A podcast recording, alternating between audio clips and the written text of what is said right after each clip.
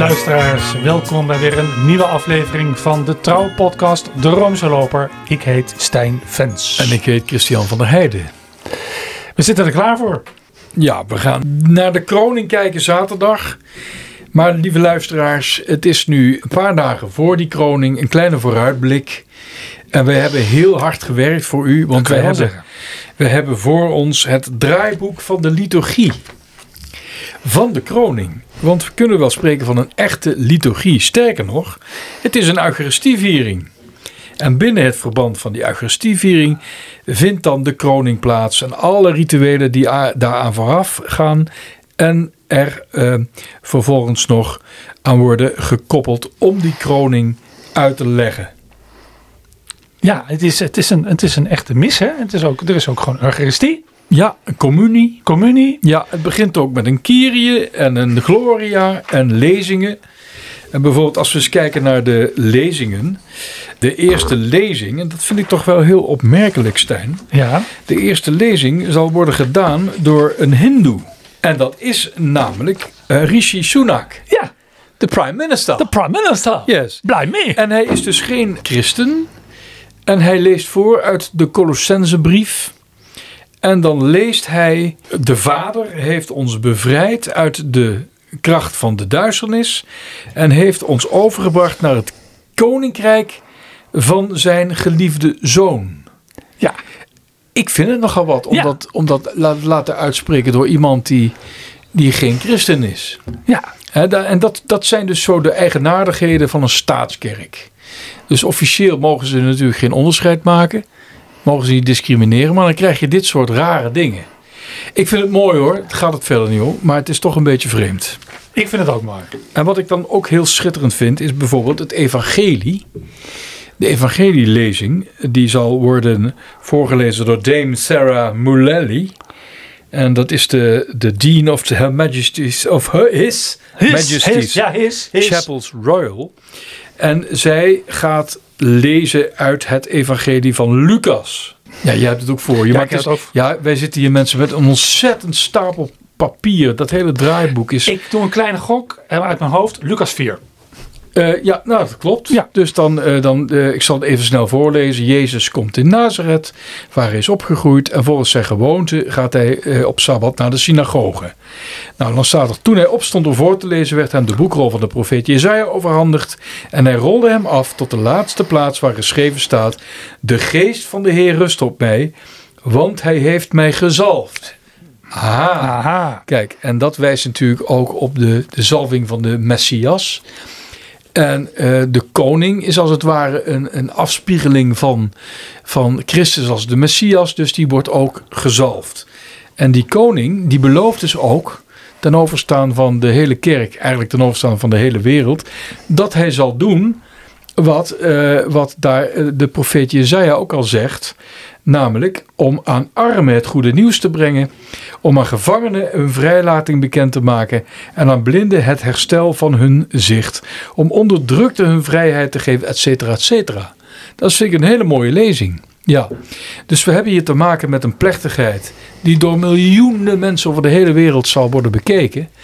Een plechtigheid die door en door christelijk is en protestanten zullen zeggen door en door katholiek. Ja.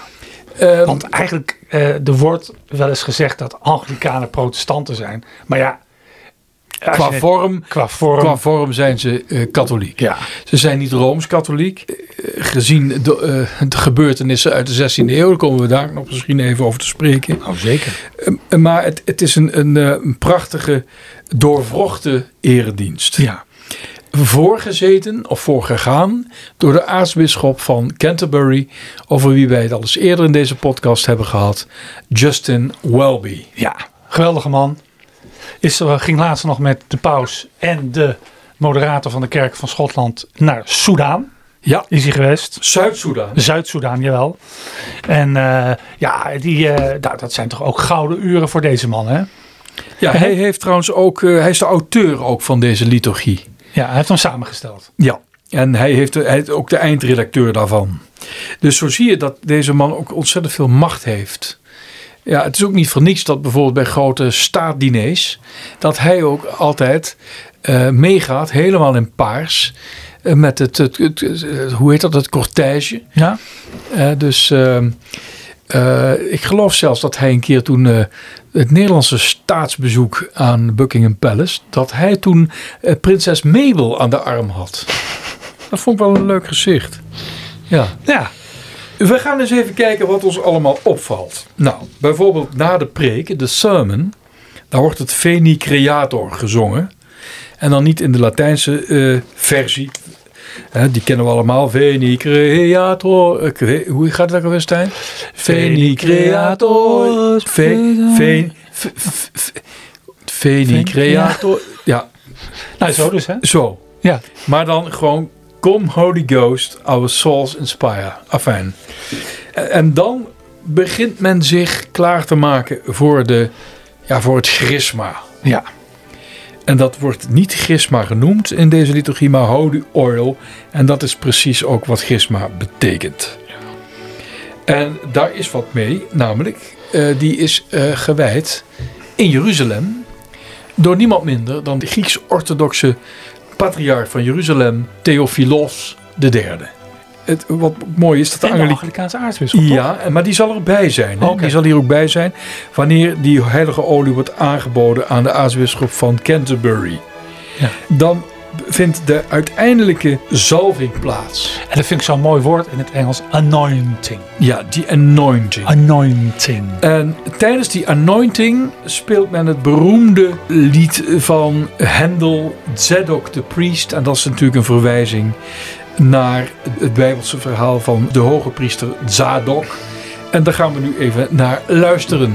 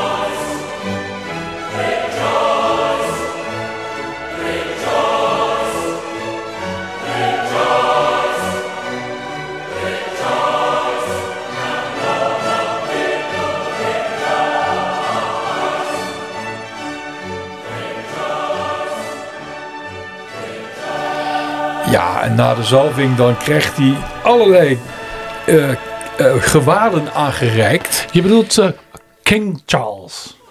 Ja, Karel III. Karel, Ik- een beetje Karel de derde ja, man. maar waarom hebben we het wel steeds over Karel de Eerste, Karel de Tweede en in één keer Charles de Derde? Ja, Vind ik een beetje raar. Ja, maar Karel de derde, dat, dat, dat- luistert toch niemand naar? Nee, maar hoe noem jij de, de, de, grote, de koning die de, de, de kerk van Engeland heeft afgesplitst van Rome? Henry VIII. Ja, maar in het Nederlands. Henry VIII. Precies. Maar ja, ik En- ben internationaal, dus ik heb het altijd over Henry VIII. Oké, nou in ieder geval Karel de Derde. Karel de Die wordt eh, bekleed met Alsof je een tapijthandel heeft. het, het Colobium Sindonis, de superkliniek en de girdle. En eh, ja, dat, u moet maar zelf kijken mensen wat dat allemaal zijn. Het is allemaal te ingewikkeld om dat uit te leggen. Vervolgens wordt hem aangereikt de regalia. En dan hebben we het over de spurs, de sporen. Dan wordt trouwens daarna Psalm 72 gezongen tijdens de, de, de uitwisseling van de zwaarden, zoals dat heet. En dat is Psalm 71 overigens in de Griekse Septuagint. Dat is dus de Griekstalige eh, vertaling, versie van de Joodse Bijbel. En die wordt geheel en al uitgesproken in het Grieks. Ja, mooi hoor. Theos tokrima su toi basilei. Ja, en Ja. waarom het Grieks? Nou, dat is natuurlijk ook weer een verwijzing naar eh, de, de vader van Karel. Dat was eh, Philips. Philip. Dan noem je dan flip. Flip. De Duke of Edinburgh. Want hij behoort tot het, eh, het koninklijk huis van Griekenland en Denemarken. Ja, Trouwens, de oma van Charles, eh, van, eh, dus de moeder van, eh, van, Flip. van Flip, van Prins Philip. Ze hebben we ook kunnen zien in die geweldige serie The Crown.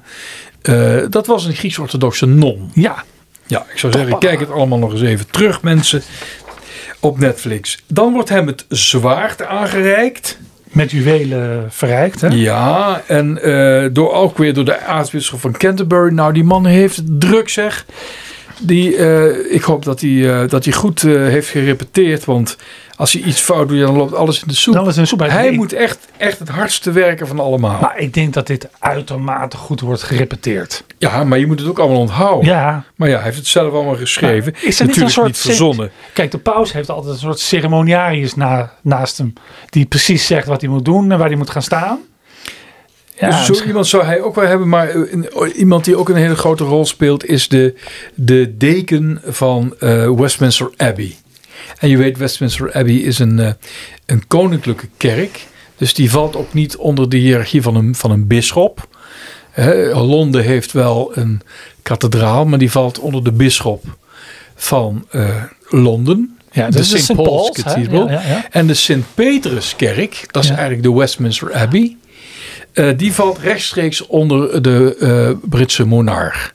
En dus is degene, de hoogste geestelijke van de Westminster Abbey kerk, dat is de, de, de deken, de dean. En die speelt ook een hele grote rol. Nou, vervolgens wordt hem nog een, een, een, ja, een, een stola aangereikt. Hij draagt ook een stola. En natuurlijk de, eh, hoe- de, de rijksappel, die op. Eh, eh, de ring. Hij krijgt een ring aangeboden. Hij krijgt een, eh, een, een handschoen. De glove. Het wordt allemaal van het altaar afgehaald. Daar liggen die regalia. Hij krijgt, en hij krijgt een, een, een scepter. En na eh, het overhandigen van de scepter, dan vindt de kroning plaats. En dat Ja. is het hoogtepunt. eh, niet van de viering, want dat is natuurlijk de consecratie. Ja. Maar de, het hoogtepunt van, eh, van het eh intronisatieritueel. Als Maar ik nou het zo maar zeg. van mijn eh, collega Niels Postumus, correspondent in Groot-Brittannië voor deze krant, Vertrouw, begrepen dat die zalving, dat we die niet te zien krijgen. Nee, dat gebeurt dus als achter een scherm. Ja, Omdat dat, dat is ja, eigenlijk ook om eh, mee aan te geven dat het zo heilig is. Ja. Want dan zal het, het goddelijke ook versmelten met het, met het, eh, eh, met, met, met het menselijke. Hè. De, de, de, de heilige olie trekt in de huid van, van die mens. En ja, dat. dat, dat ja, je kunt het vergelijken met, met wanneer je de deuren sluit van de slaapkamer, wanneer je daar geslachtsgemeenschap hebt. Pardon? Ja, nee, maar ik noem het maar eh, omdat Ja. het zo privaat Ja, is. begrijp ik. Maar Ja, het is, eh, dus dan komt er een canopé, hè? Ja. En eh, en, eh, die, dat wordt erover gedaan. Dus dan, nee, maar ik hoop wel dat, eh, dat, er, dat er wel later eh, mensen zijn die daarover spreken. Want er kan natuurlijk van alles fout gaan. Maar ik vind het wel groots als theaterspektakel dat, dan, dat we dan niet alles te zien krijgen. Dat is natuurlijk heel slim ook. Dat verheugt alleen maar het prestige van het ambt, denk ik. Nou, de kroning krijgen we allemaal te zien, hoop ja. ik. Ja. Eh, ik verheug me ontzettend op, eh, op de televisieuitzending door de BBC. Ja. Ik vond de uitvaart van Elisabeth II ook zo prachtig in beeld gebracht. Nou, dit moet helemaal een hoogstandje worden.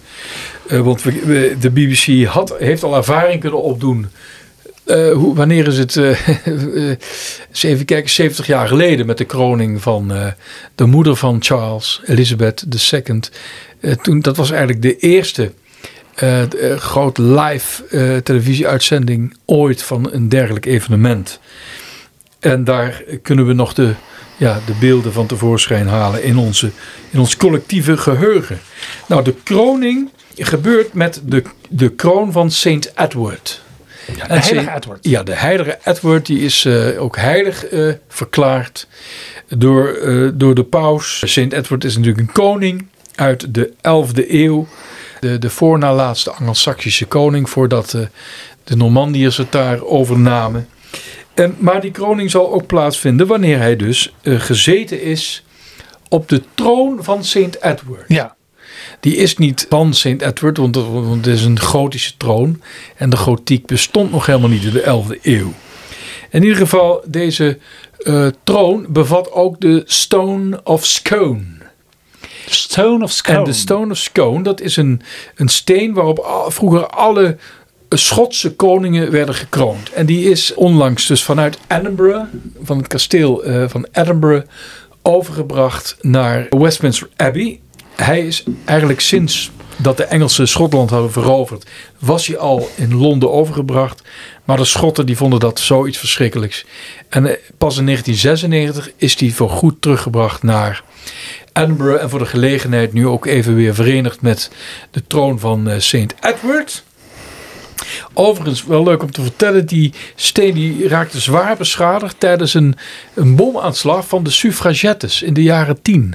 Je weet nog wel, die, degene Ja, de, die... die opkwamen voor het vrouwelijk kiesrecht. Ja, nou, de- die waren nog niet mals. Die Nee. hebben toen een, een aanslag, bomaanslag gepleegd in het heiligdom van St. Edward in Westminster Abbey. Hoe vind je dat? Ja. En daarbij is een klein eh, gedeelte van die, deze gotische eh, kroningstroon beschadigd geraakt. Maar de, de Stone of Scone, eh, die is daarbij bijna in tweeën gesplitst. Ja. Mijn hemel. Nou, na de kroning, eh, dan zingt iedereen natuurlijk God Save the King. Yes. En dan klinkt er het volgende nummer. Dat, dat heet namelijk de fanfare, de Wiener Philharmoniker fanfare van Richard Strauss.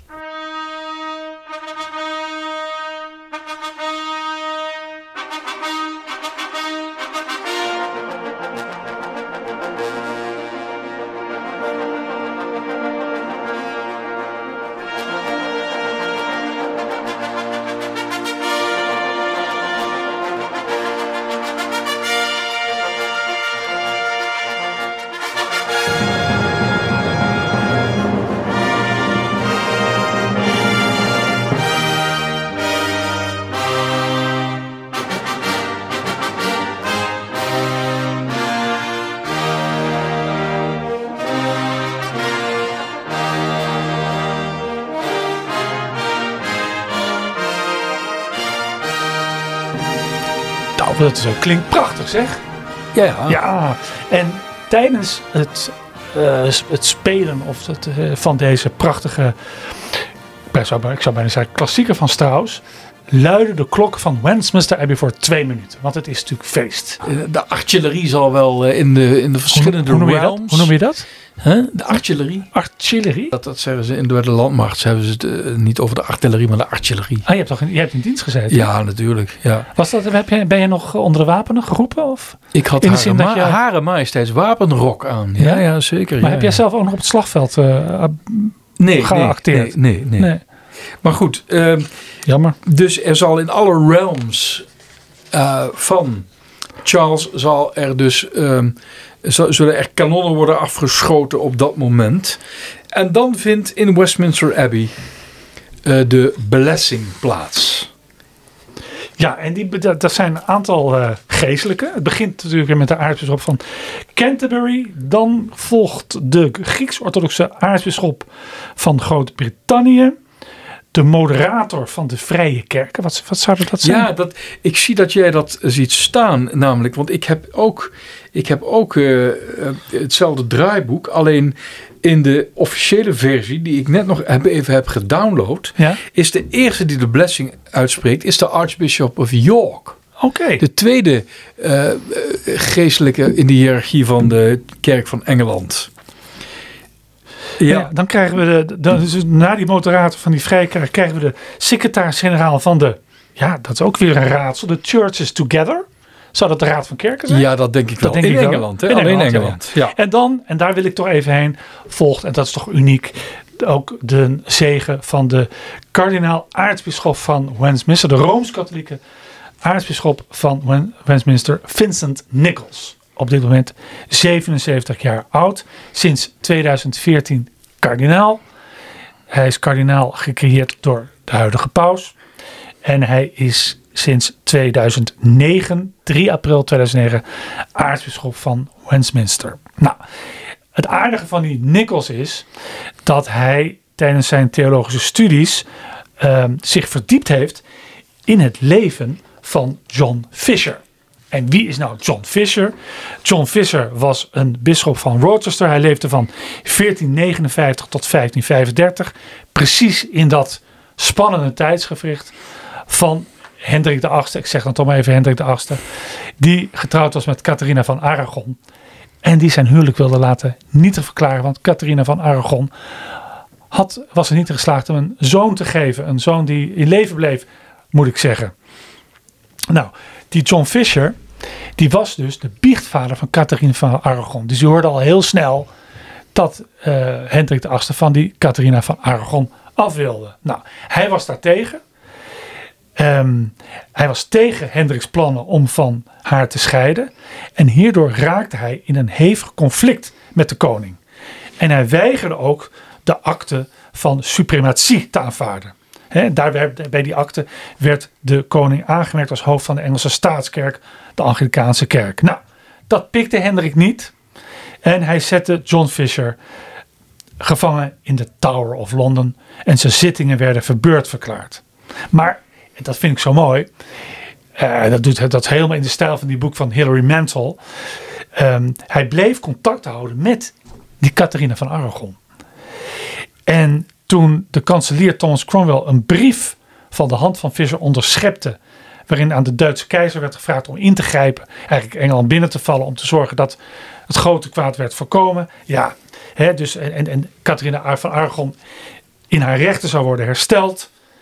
De belangen van de Rooms-Katholieke Kerk zouden worden gewaarborgd. Ja, toen was Hendrik de VIII helemaal klaar met deze John Fisher en liet hem onthoofden. Nou, juist die John Fisher is dus dierbaar.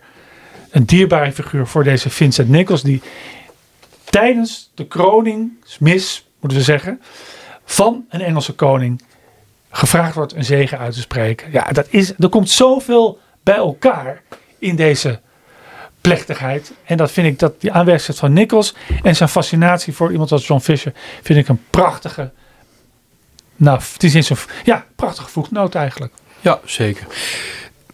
Het doet mij ook denken aan, um, aan een andere periode van de kerk van Engeland, namelijk in de 17e eeuw. Toen is er namelijk een katholiek weer koning geworden. Jij doelt dan op Jacobus II? James II. Ik bedoel maar. Uh, dat is toch wel heel bijzonder. Wat is er gebeurd? Deze James, de tweede was een broer van uh, Karel de tweede. He, de, uh, Charles, de huidige Charles. Wacht even, Jacobus, ik bedoel, Jacobus de tweede was een broer van, van Karel de tweede. Ja, ja, ja, En toen die stierf, toen is Jacobus de tweede, James de tweede, oftewel James uh, de zevende van Schotland. Ja. Die heeft toen zijn broer opgevolgd, maar die was al katholiek. Van zijn broer Karel II wordt gezegd dat hij zich op zijn sterfbed tot het katholicisme heeft bekeerd. Zijn broer, die nam de macht over. Uh, zij waren namelijk in 1670 eh, naar de, de Rooms-Katholieke Kerk overgegaan. En wie zijn ze? James, Jacobus dus, en zijn vrouw Anne Hyde.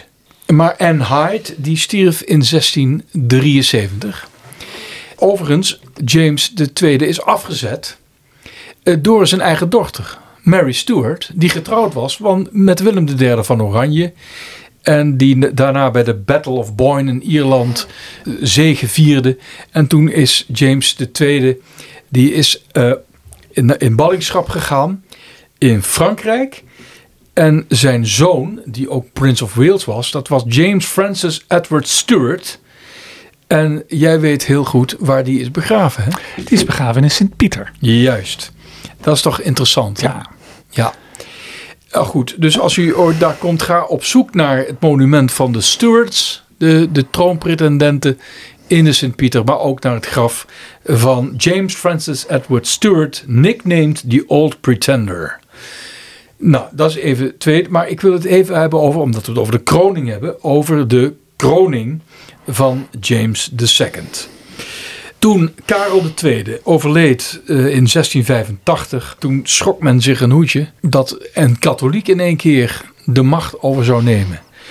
Uh, dus de, het hoofd van de kerk, de Supreme Governor van de Anglicaanse Church of England, werd een katholiek. Dat is natuurlijk heel erg vreemd. Wat is er toen gebeurd? De koning van uh, Jacobus II en zijn nieuwe vrouw Maria van Modena, die vond plaats op 23 april 1685. Nou, 23 april, waarom 23 april? Omdat dat de feestdag is van uh, Sint Joris, oftewel Sint George, de patroonheilige van Engeland. Maar de dag daarvoor, en dat is toch wel heel merkwaardig, was hij namelijk al gekroond volgens de katholieke rites. En dat vond plaats in de kapel van Whitehall. Dus hij is twee keer gekroond. Dus één keer volgens de katholieke rites en de dag erna in uh, Westminster Abbey. Uh, en het merkwaardige is dat daar vond toen ook een Eucharistieviering plaats, dat de koning toen niet de communie ging. Want hij was katholiek. Ongelooflijk. Maar het zou toch niet zo goed aflopen met uh, Jacobus II. En daar waren eigenlijk al voortekenen van uh, tijdens die, die dag. Want wat gebeurde er namelijk met de Royal Standard uh, op, op de Tower van Londen? Die werd namelijk omvergeblazen door een harde wind. En de kroon viel bijna van zijn hoofd. Die stond ook scheef. nou, nou, nou. En toen nou. dacht men, nou, dat is niet helemaal goed. In ieder geval zijn er ook heel, is er ook heel veel geschreven over het banket na de kroning in Westminster Hall. Exorbitante hoeveelheden voedsel werden er, er genuttigd door alle alle uh, genodigden aan het staatsbanket, het koningsbanket. En er was publiek bij en die keken hoe uh, men at. Toeschouwers uh, werden uitgenodigd om te kijken hoe dat koning uh, Jacobus en koningin Maria en al hun genodigden zich te goed deden aan de meest heerlijke en decadente spijzen. Nou, dat gaat nu niet gebeuren. Even nog over die katholieke aanwezigheid bij, of de katholieke invulling van deze kroning, de katholieke accenten. Het Gloria, dat te horen zal zijn, is genomen uit de mis voor vier stemmen van William Byrd in oorspronkelijke vorm gecomponeerd voor de recusante katholieken. Wat zijn dat? Wat zijn nou recusante katholieken? Uh, recusatie, ook wel non-conformisme genoemd, stond voor het niet bijwonen van kerkdienst van de Engelse staatskerk, de Church of England. En recusatie, dus die katholieken die het excusele mogen verdomden om naar een Anglikaanse mis te gaan, was strafbaar. Dus blijkbaar is er toen toch door die William Byrd een speciale mis gecomponeerd. En die, en die wordt nu ten gehoor gebracht. Dus dat is weer zo'n over alles, dus over elke noot die gezongen wordt, is dus nagedacht. Dus een soort verzoeningsgebaar van Charles richting de katholiek. Ik, ik, kan het niet anders zien. Nee, ik ook niet. En ik, mijn sympathie voor Prins Charles, toch een man die, als ik hem op televisie zie, mij met het leven verzoent. Op een of andere manier. Ja, ik, ik mag hem ook heel ja. erg. Ja. Zoals ik laatst. Bij de, bij de, hij heeft ook, net zoals ik een enorme hekel aan moderne architectuur. Ja. Nee, zoals ik een tijd geleden in Rome in het Keats and Shelley uh, Museum.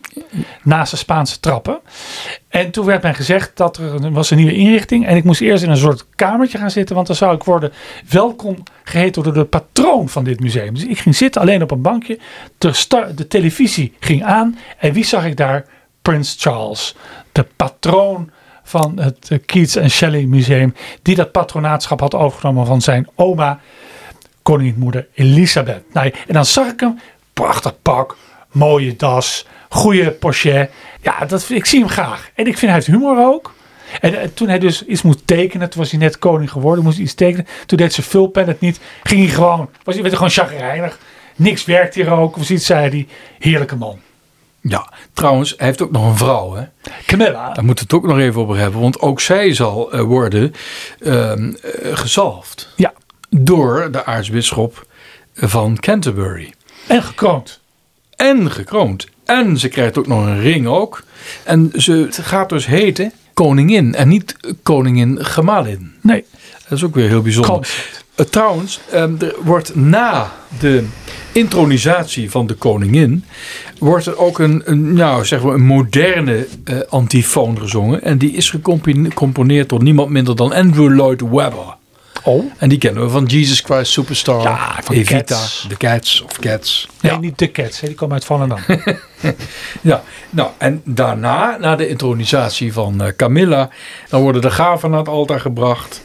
Dan wordt er gebeden door de hoofdcelebrant over de gaven van brood en wijn. Het Eucharistisch gebed, zoals we dat kennen, het Sanctus, uh, gecomponeerd door Roxana Panoufnik. Ook dacht even dat je Roxana Hazes zei.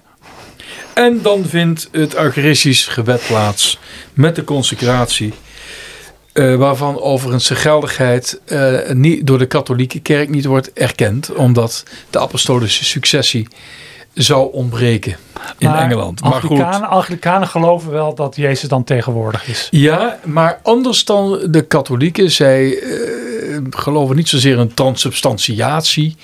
Maar eh, dus, eh, afijn, dat is een heel ingewikkelde kwestie.